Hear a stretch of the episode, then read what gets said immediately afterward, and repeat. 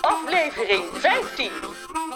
Ron, Reus en Kraai zitten nog steeds in Café John. Wat een getreuzel. Hup jongens, de bus in, mijn moeder wacht. John zucht diep. Daar gaat hij dan, zegt hij. Ron voelt zijn telefoon trillen, maar hij laat hem in zijn zak zitten. Want nu krijgt hij eindelijk te horen waarom Pedro de wonderpiraat heet. Straks gaat hij heus echt waar beloofd zijn ouders bellen. John zucht nog een keer. Opschieten, John, we moeten Trudy's moeder redden, krast Kraai ongeduldig. Ja, ja, zegt John, even geduld. En dan begint hij zijn verhaal. Ik heb niet altijd een café gehad. Vroeger was ik scheepskok. Een goeie hoor. Toen ik net begon hadden we alleen scheepsbeschuit, water en gedroogd spek aan boord en daar kon ik weinig mee beginnen. Maar tijden veranderen. Ik kan me herinneren dat ik voor het eerst in de kombuis eieren stond te bakken in zoute roomboter. Heerlijk! Dat zou ik nu ook wel lusten, krast Kraai, terwijl hij naar zijn inmiddels koud geworden macaroni kijkt. Ik kookte en kookte en werd een steeds betere kok. Buff bourguignon, door mij bedacht. Huzarensalade, mijn creatie. Boerenkool met worst, drie keer raaien. Het kan toch niet dat jij dat allemaal hebt bedacht, vraagt Ron. Oh nee! John grijpt naar de lepel die nog steeds rechtop in de macaroni van Kraai staat. John, waarschuwt Reus vanuit de deuropening. John giechelt zenuwachtig en trekt zijn magere hand terug. Hij haalt diep adem en zegt: Ik heb al die gerechten bedacht. Als men zegt dat dat niet zo is, dan liegt men dat hij barst. Ron, die al een arm in de lucht had om een eventuele klap met de lepel af te weren, besluit verder zijn mond te houden. Ik werd beroemd, vervolgt John. Alle kapiteins wilden mij in hun kombuis hebben. Konden ze me beef Wellington proeven of pizza margherita met wentelteefjes toe? Wentelteefjes. Kraai duikt in zijn bord macaroni. Ik doe gewoon net of dit wentelteefjes zijn, zegt hij met volle snavel. Mm, wat lekker. Kraai kauwt een paar keer, sluit zijn snavel en slikt. Ron kijkt toe en ziet dat de ogen van Kraai opeens groot worden. Hij begint met zijn vleugels te fladderen en vanuit zijn keel klinkt een paniekerig... Zit zijn snavel dicht? vraagt John. Dat heb je met koude macaroni, is net lijm. Maar goed, ik was dus zo beroemd dat Pedro de wonderpiraat me wilde inhuren. Ik was vereerd, want dat gebeurt natuurlijk niet de eerste de beste. Er deden allerlei verhalen over hem de ronde. Hij hoefde bijvoorbeeld nooit schepen achterna te zitten met zijn piratenschip. Die kwamen gewoon naar hem toe. Toen ik voor hem kookte, heb ik het zelf gezien. Op een dag kwam een vrachtschip naast ons liggen. Op het dek stond de kapitein die riep: Beste Pedro de wonderpiraat, mag ik u mijn vracht overhandigen? Ik heb aan boord een partijtje gloedje nieuwe televisies, vaatwassers en stofzuigers. Veel plezier ermee.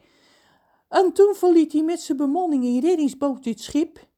Is Pedro een tovenaar? vraagt Ron. Hij gaat zo op in Johns verhaal dat hij de bijna klap van daarnet is vergeten. John antwoordt niet. Hij is met zijn gedachten op zee, op Pedro's schip. Om te vieren dat we zo'n kostbare vracht hadden gekregen, besloot ik voor Pedro paella te maken. Pedro moet je even verbeteren. Het is paella. Heb ik ook bedacht, ook al zeggen anderen vast van niet. Hij kijkt naar Ron, maar die zwijgt wijselijk. Krast Kraai intussen, terwijl hij zijn snavel langs de toog schraapt in een poging hem open te krijgen. Vertel verder, John, zegt Reus. We moeten zo weer op pad.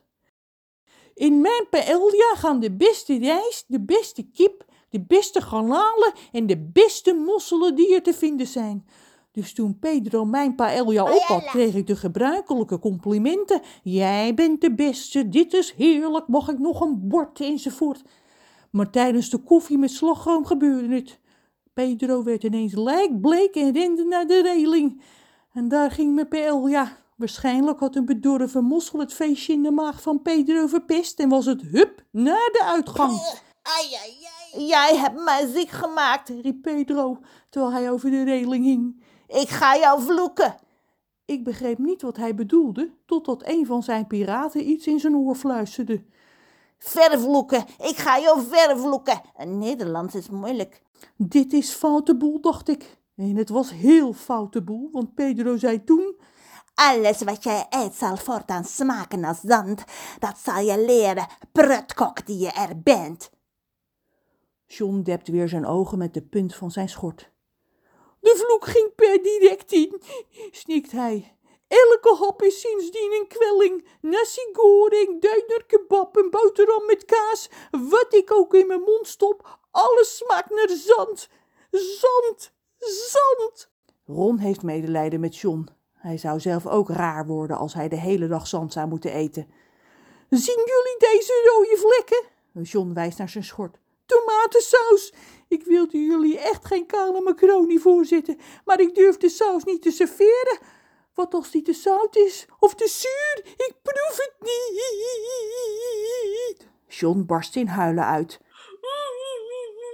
Ah! Dat is Kraai. Zijn snavel is eindelijk open.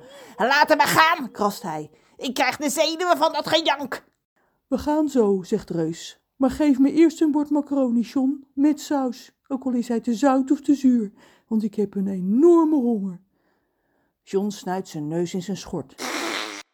Ik wil mee, zegt hij, terwijl hij nog nasnikkend de bord macaroni voor Reus opschept. Ik ga Petro vragen of hij de vloek wil opheffen. Eet jij je bord leeg, Reus? Dan ga ik mijn koffer pakken. Weet je wat fijn zou zijn? Als je ons een rating zou willen geven in iTunes of Spotify. Want het zou leuk zijn als nog meer kinderen en volwassenen naar ons gaan luisteren. Alvast bedankt. We zijn er begin januari weer. Fijne feestdagen! Ron Tattoo is geschreven en geproduceerd door Margot de Graaf.